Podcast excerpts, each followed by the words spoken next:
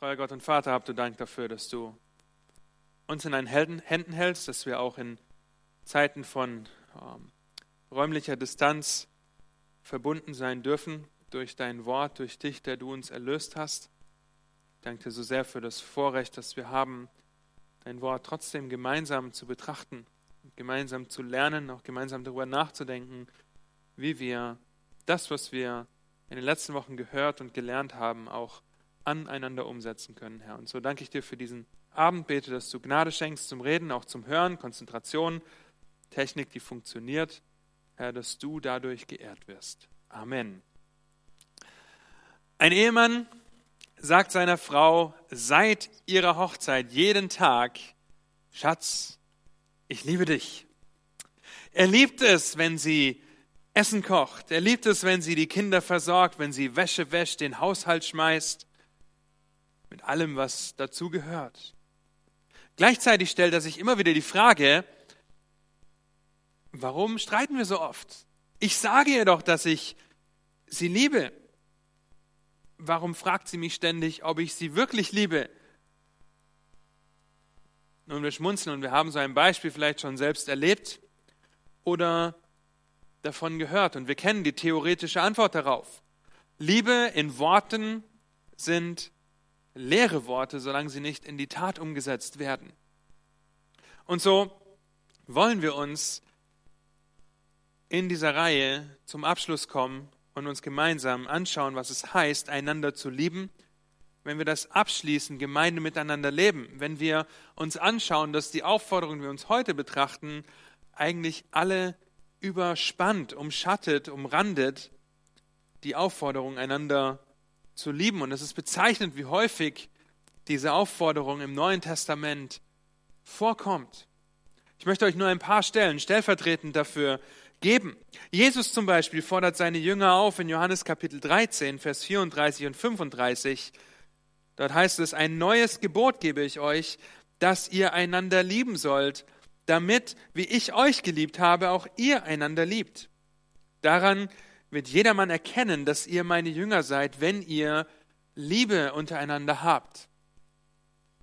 Oder Paulus, der die Römer in Römer 13, Vers 8 dazu aufruft, seid niemand etwas schuldig, außer dass ihr einander liebt. Denn wer den anderen liebt, der erfüllt das Gesetz.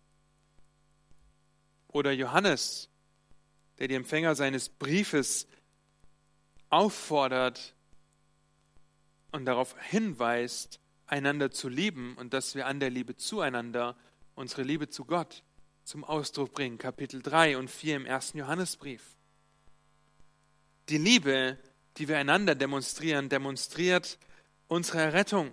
Und deshalb ordnen sich die Einanderstellen auch dieser Aufforderung unter.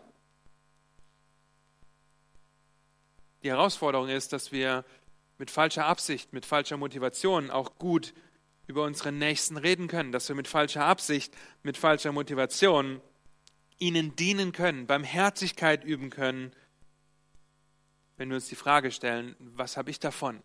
Oder was wird er von mir denken, wenn ich das oder das sage?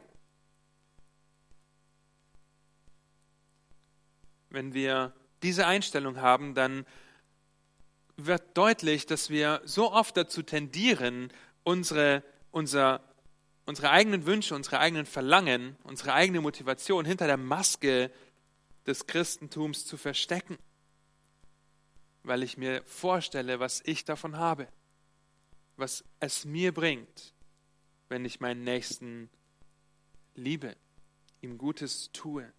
Aber wenn ich Gott und meinen Nächsten liebe, werden die anderen Aufforderungen ins richtige Licht gerückt und die Motivation des einander Dienens wird dadurch verändert.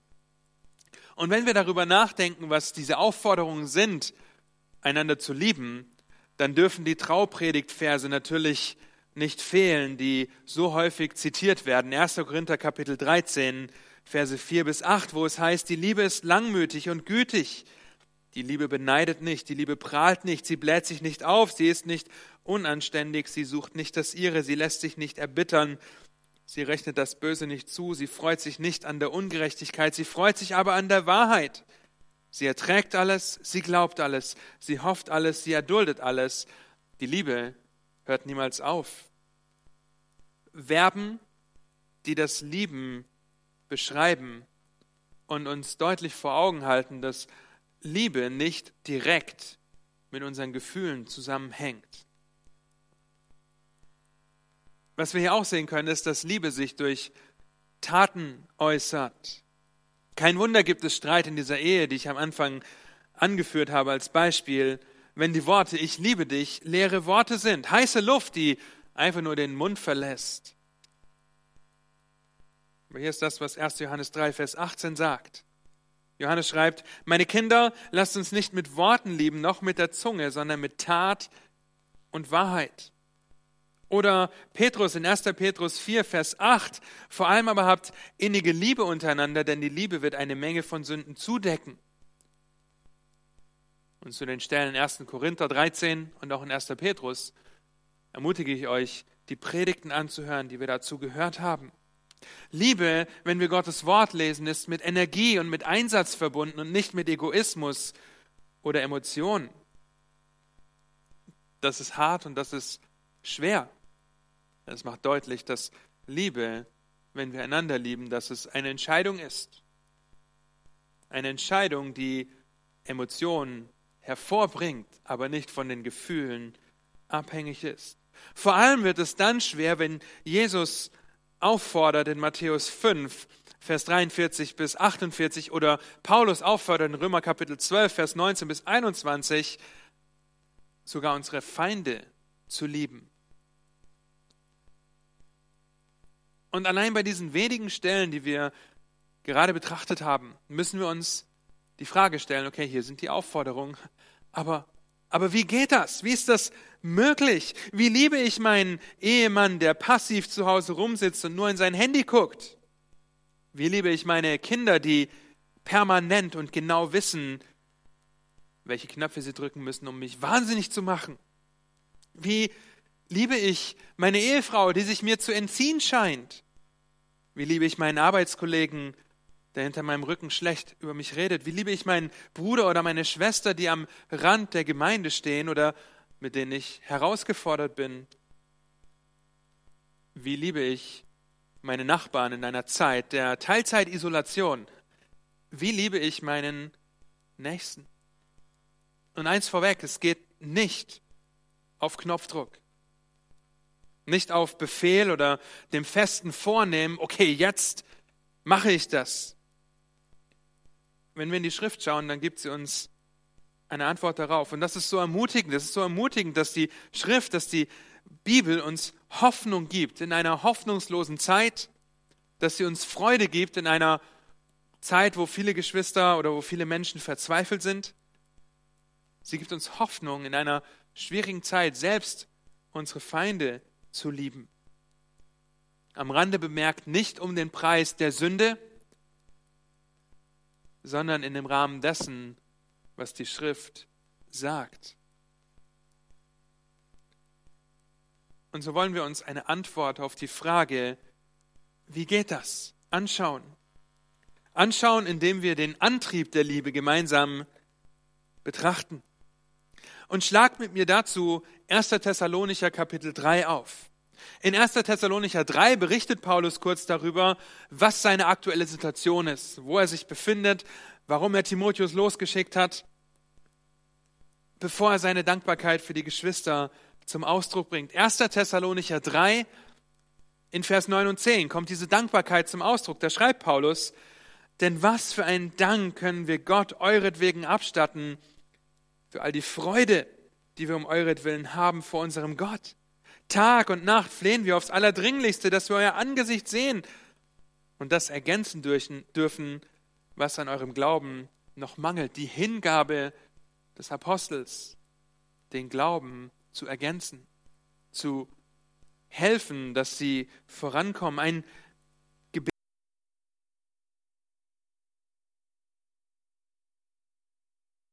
Paulus Freude an den Thessalonichern überhaupt ermöglicht. Ein Gebet, das jetzt folgt in den Versen 11, 12 und 13. Dort heißt es, er selbst aber, Und hier geht es in das Gebet. Gott, unser Vater und unser Herr Jesus Christus, lenke unseren Weg zu euch. Paulus betet für sich selbst und für die die bei ihm sind, dass sie gerne wieder dorthin möchten. Vers 12.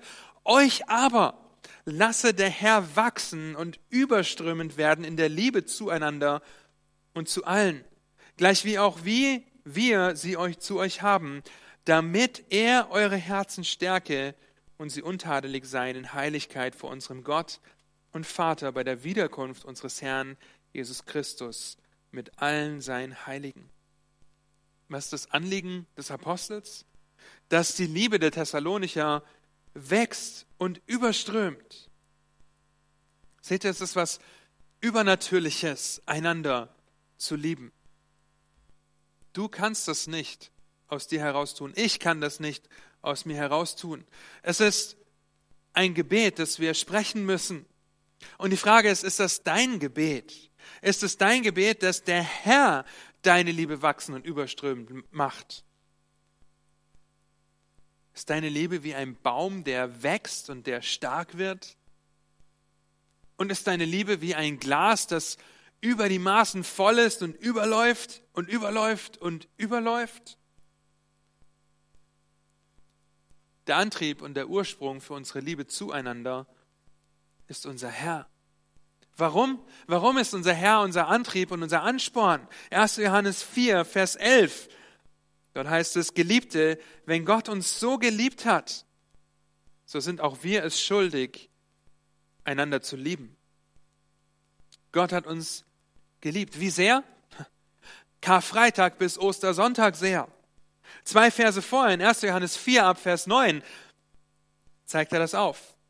Da heißt es, darin ist die Liebe Gottes zu uns geoffenbart worden, dass Gott seinen eingeborenen Sohn in die Welt gesandt hat, damit wir durch ihn leben sollen. Darin besteht die Liebe. Nicht, dass wir Gott geliebt haben, sondern dass er uns geliebt hat und seinen Sohn gesandt hat als Sühnopfer für unsere Sünde. Die Worte aus Johannes 3, Vers 16 hallen uns im Kopf, wenn wir diese Verse lesen. Diese Liebe im ersten Johannesbrief, die aufgezeigt wird, lässt uns freimütig und freudig vor Gott stehen, ohne Angst zu haben, verdammt zu sein, weil er uns zuerst geliebt hat.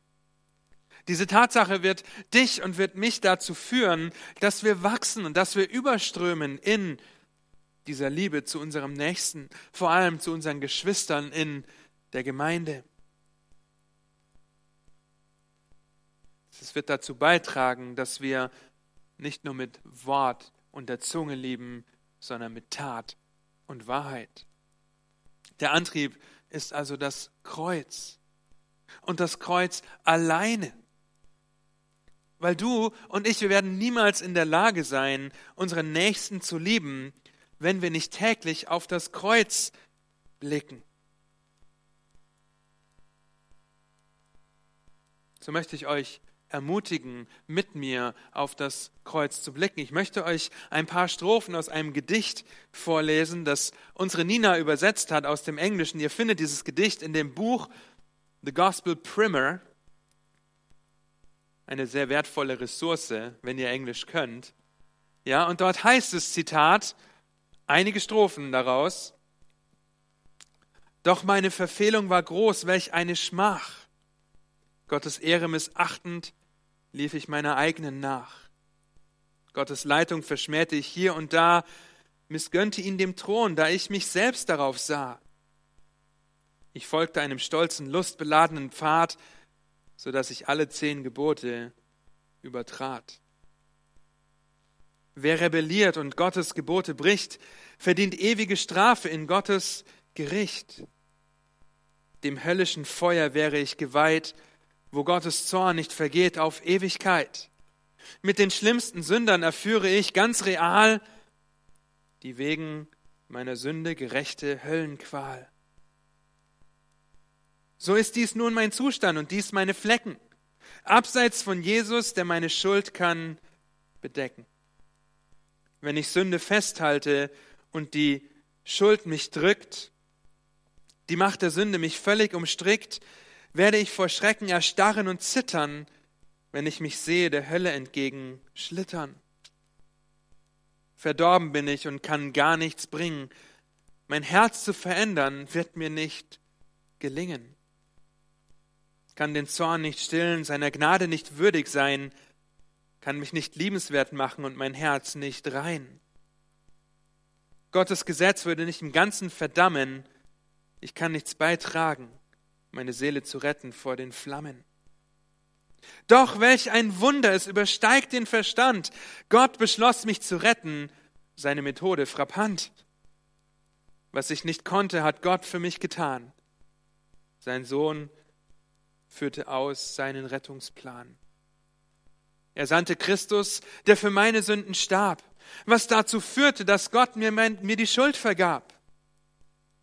Es ist höchst erstaunlich und kaum zu fassen, dass Gott entschied, seinen Sohn kreuzigen zu lassen. Er gab seinen Sohn hin, der Folter, dem Tod, obwohl dieser erfüllt hat jedes Gebot. Am Kreuz schreit Jesus, warum verlässt Gott mich? Doch der ließ ihn hängen, bis sein Leben entwich. Jesus war bereit, für mich sein Leben zu geben, wurde gegeißelt, beleidigt, nur meinetwegen. Obwohl ich Gott so verachtet hatte, litt er für mich. Er dient und segnet und denkt nicht an sich. Niemand hat mir lieber als Christus das Lamm, denn er starb für Sünder und zog auch mich aus dem Schlamm. Dies ist meine Geschichte, noch fährt sie fort. Wie kann ich Gott danken für sein Werk und sein Wort? Welch ein Segen, dass er mir die Fülle des Himmels schenke, jedes Mal, wenn ich an sein Evangelium denke. Verdient habe ich das am heiligsten meiner Tage nicht, aber das ist meine Errettung und darin stehe ich. Zitat Ende. Verstehst du den Antrieb? Verstehst du, dass dieser Antrieb, einander zu lieben, nicht aus dir selbst kommt, nicht aus eigener Anstrengung, weil du nichts dazu beitragen kannst, dass du in der Lage bist, deinen Nächsten zu lieben? Aus eigener Anstrengung wirst du niemals deinen passiven Ehemann deine Kinder, deine Nachbarn, deine Arbeitskollegen, deine Familie oder Geschwister aus der richtigen Motivation lieben. Es geht nicht, weil du in deiner eigenen Kraft nur an dich selbst denkst und dich nur um dich selbst drehst. Deshalb blicke auf das Kreuz und flehe Gott an, deine Liebe wachsen zu lassen wie ein Baum und überströmen zu lassen wie ein Glas. Vertraue darauf, und auf der Präsentation könnt ihr sehen, beharre darauf, vertraue darauf, dass Gott dir das geben wird, denn er hat uns alles gegeben, was zu einem Gott wohlgefälligen Leben nötig ist. Bete dafür und denke darüber nach, dann wirst du es aus der richtigen Motivation tun, wenn du auf das Kreuz blickst, auf Christus blickst, was er für dich getan hat was du niemals hättest aus eigener Kraft tun können. Mit dem richtigen Blick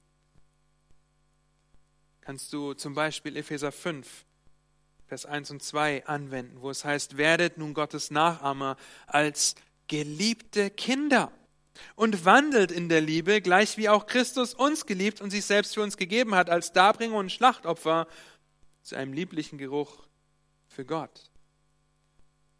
Im Licht des Kreuzes können wir Nachahmer werden, weil wir geliebte Kinder sind, erlöst, befreit. Fange im Licht des Kreuzes darüber an, deine Liebe zu Gott auszuleben, indem du deinen Nächsten nicht mit Worten oder der Zunge liebst, sondern in Tat und Wahrheit, mit Energie, mit Einsatz mit dieser Energie und dem Einsatz ihm die Liebe entgegenbringst, die Gott dir entgegengebracht hat. Wir lieben Gott, weil er uns zuerst geliebt hat. Und Römer 5, Vers 8 sagt ganz deutlich, er hat uns geliebt, als wir noch seine Feinde waren. Als wir seine Feinde waren, hat Gott seinen Sohn für uns gegeben. Johannes in seinem ersten Brief, 1. Johannes 4, Vers 19, schreibt er, wenn jemand sagt, ich liebe Gott und hasst doch seinen Bruder, so ist er ein Lügner. Denn wer seinen Bruder nicht liebt, den er sieht. Wie kann, er der, wie kann der Gott lieben, den er nicht sieht? Und dieses Gebot haben wir von ihm, dass wer Gott liebt, auch seinen Bruder lieben soll. Nur durch Christi Tod am Kreuz können wir überhaupt leben. Epheser Kapitel 2. Nur durch Jesu Tod am Kreuz können wir das ausleben, was Gott in uns gewirkt hat. Philippa Kapitel 2. Deshalb liebe deinen Ehepartner nicht aufgrund seiner Werke, sondern aufgrund Christi Werks am Kreuz. Liebe deine Kinder, indem du sie, sobald du dich an ihnen versündigst, um Vergebung bittest und auf das Kreuz hinweist, an dem Christus für dich gelitten, für dich gestorben ist, für deine Sünde. Liebe deine Arbeitskollegen, deine Nachbarn, deine ungläubigen Freunde, indem du ihnen Gutes tust und es mit der Wahrheit des Evangeliums verknüpfst. Denn das Kreuz und das Kreuz allein ist Dreh- und Angelpunkt und Zentrum und das wichtigste Ereignis der Menschheitsgeschichte, das so ewigkeitsentscheidend ist. Und das Kreuz und das Kreuz allein wird dich und wird mich dazu befähigen, die anderen einander stellen, umzusetzen, weil Gott uns zuerst geliebt hat, weil Gott uns erschienen ist und am Kreuz für uns gestorben ist, wo er all seine Liebe zu uns demonstriert. Die Frage ist, liebst du deinen Nächsten? Von ganzem Herzen oder aus einer falschen Motivation? Blickst du auf das Kreuz und das Kreuz allein, was dich dazu führt, deinem Nächsten zu, lie zu lieben, was sich durch deinen Dienst ausdrückt?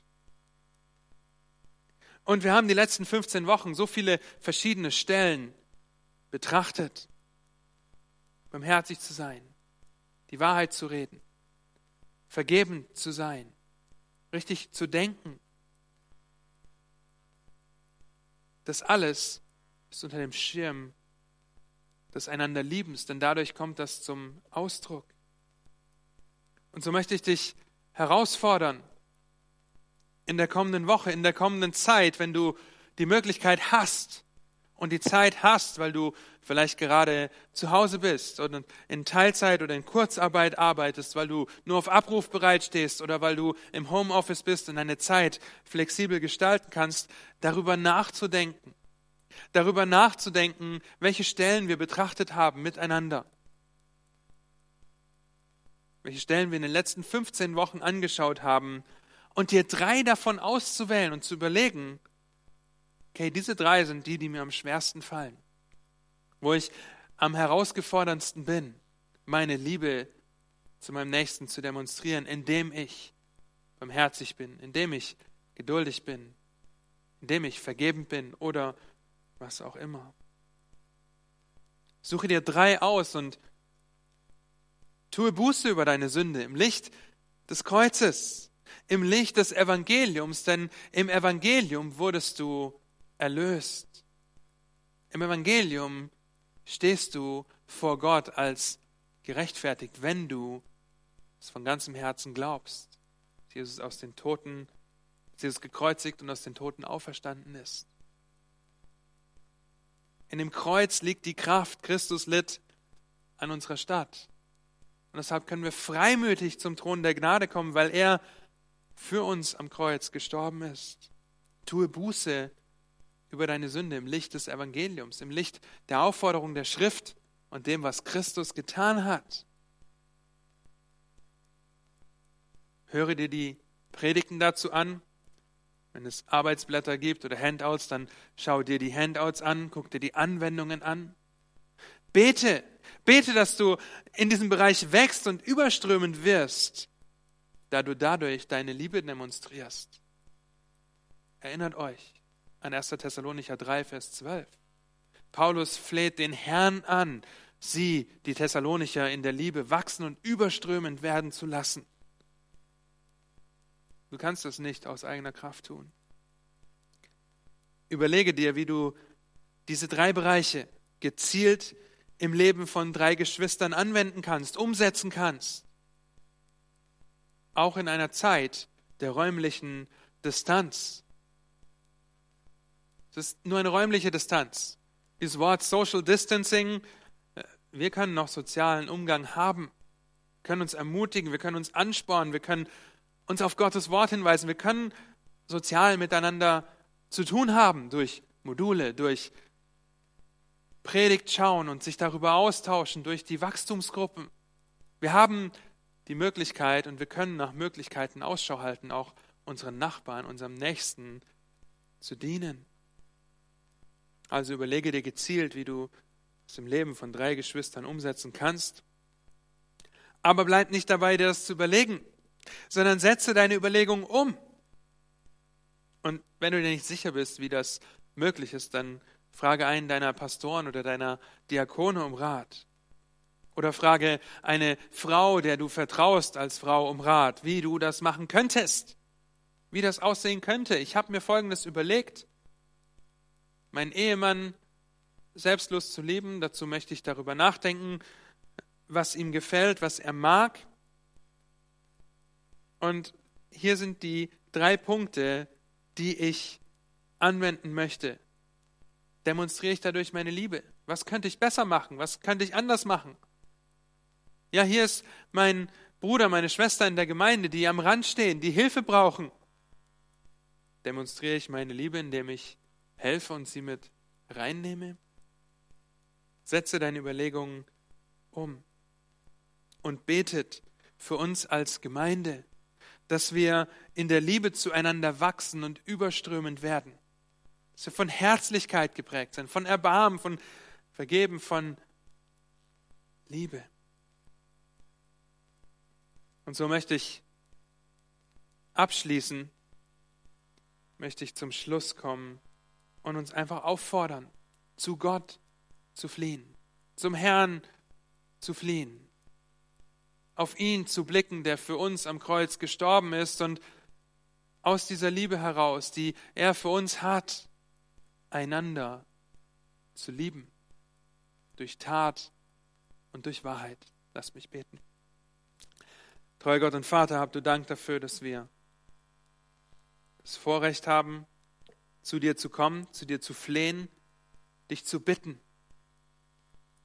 Ja, und so ist es mein Anliegen, dass wir als Gemeinde wachsen und überströmend werden der Liebe zueinander. Herr, dass wir die Liebe nicht nur mit der Zunge und mit Worten bekennen, sondern in Tat und in Wahrheit. Dass wir dadurch demonstrieren, wie sehr du uns liebst. Ich bete, dass du Gnade dazu schenkst, dass du das in unseren Herzen wirkst. Herr, dass wir das, was du in uns gewirkt hast, aber auch mit Furcht und Zittern auswirken, verwirklichen, ausleben im Leben unserer Geschwister, im Leben unserer Kinder, unserer Familien, unserer Nachbarn, Freunde, Arbeitskollegen, Bekannten.